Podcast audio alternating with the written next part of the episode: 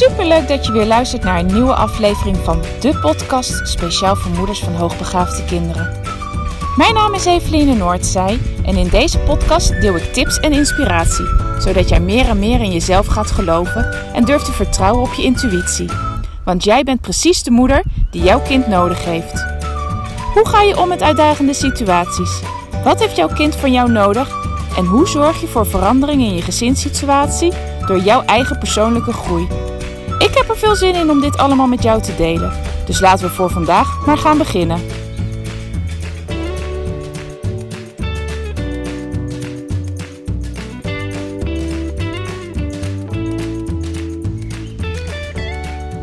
Goedemorgen lieve luisteraar, een nieuwe dag, een nieuwe podcast. Gisteren had ik een gesprek met een moeder. En zonder te veel in details te treden, wil ik het met jullie hebben over iets wat mij bij haar heel erg opviel. En dat was namelijk het diepe innerlijke weten van haar wat haar dochter nodig had.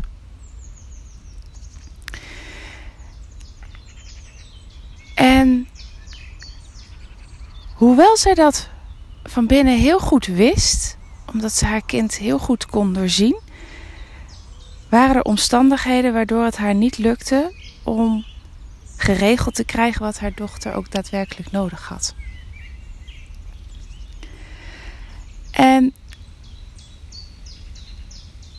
ik wil me niet richten op wat niet lukt, maar ik wil, wil me in deze podcast richten op dat innerlijke weten van moeders en dus ook van jou. Jij weet heel goed wat jouw kind nodig heeft. Ergens diep van binnen. En als je iemand bent die heel veel twijfelt, zit het ergens verscholen onder die twijfel. Weet jij wat jouw kind nodig heeft, want het is jouw kind. En ik ben van mening dat niemand beter weet wat het kind nodig heeft dan de ouders. En misschien zelfs wel niemand weet het beter dan de moeder. En dat laatste is niet omdat vaders het niet kunnen weten, maar het komt gewoon veel minder voor dat vaders dat intuïtief net zo sterk kunnen aanvoelen als moeders.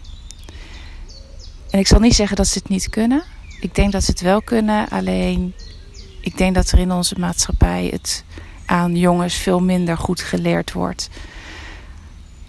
Aan meisjes ook nog niet voldoende. Als we kijken zeker naar mijn generatie, ik denk uh, dat heel veel ouders dat dan wel herkennen, is dat ze daar niet mee opgegroeid zijn om te leren vertrouwen op je intuïtie en je gevoel. Uh, maar vrouwen kunnen dat van nature waarschijnlijk net iets, iets beter, iets makkelijker. Um, en dat zie ik ook heel veel terug. Als ik met ouders in de praktijk praat, dan zijn het vooral de moeders die aangeven van ik had al heel lang een gevoel, maar ik durfde er niet op te vertrouwen. Eigenlijk wist ik al wel dat dit niet zou gaan werken.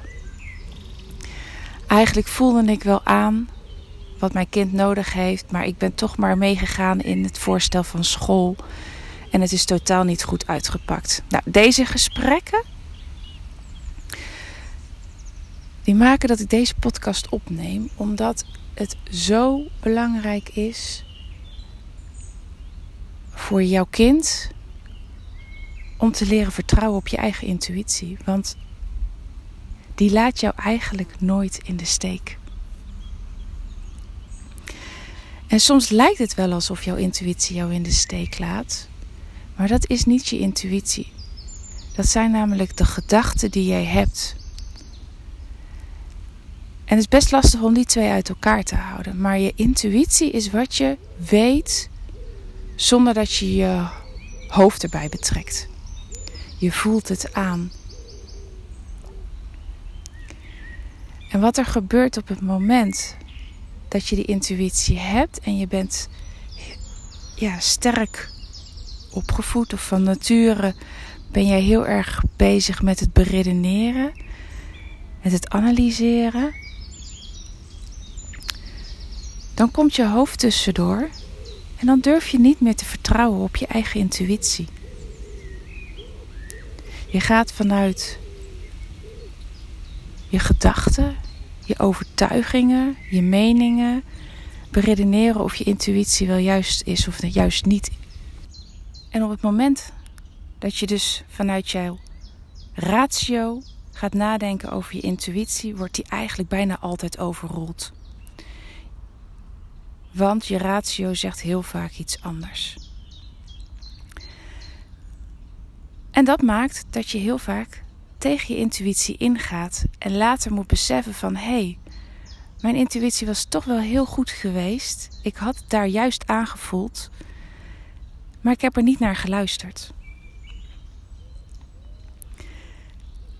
Nou, dit was ik ook en ben ik soms nog steeds, want het blijft gewoon natuurlijk heel lastig. Als je altijd de gewoonte hebt gehad om vanuit je ratio dingen op te lossen en aan te pakken, om te gaan leren vertrouwen op je gevoel. Maar de afgelopen jaren heb ik geleerd dat mijn gevoel me nog nooit in de steek heeft gelaten.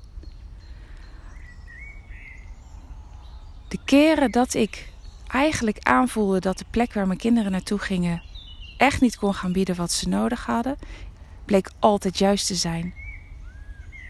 Maar ik ging op mijn. Ik ging op mijn hoofd af. Ja, maar ze doen hier dit. Maar ze doen hier dat. Dat is juist goed. Dat, heeft, hè, dat hebben hoogbegaafde kinderen nodig. En besloot ik altijd om mijn hoofd te, volgen en uh, niet mijn gevoel. En elke keer werd ik weer teleurgesteld. En niet zozeer teleurgesteld in de school die het niet kon bieden. Tenminste, dat is dus natuurlijk wel mijn eerste reactie om daar boos op te worden. En heel erg teleurgesteld in te zijn. Maar als ik dieper ging kijken, dan was ik gewoon teleurgesteld in mezelf. Ik wist namelijk, diep van binnen al, dat het niet ging werken. En ik had er weer niet naar durven luisteren.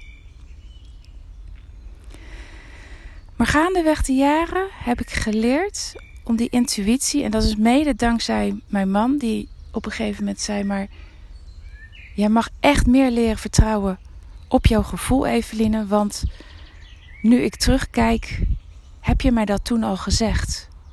En we hebben er niet naar geluisterd. En die keer was je gevoel eigenlijk ook al juist geweest. En ik denk dat niet alleen jij mag leren om meer op jouw gevoel af te gaan, maar dat ik dat ook mag doen. Omdat gebleken is dat het heel vaak juist is geweest.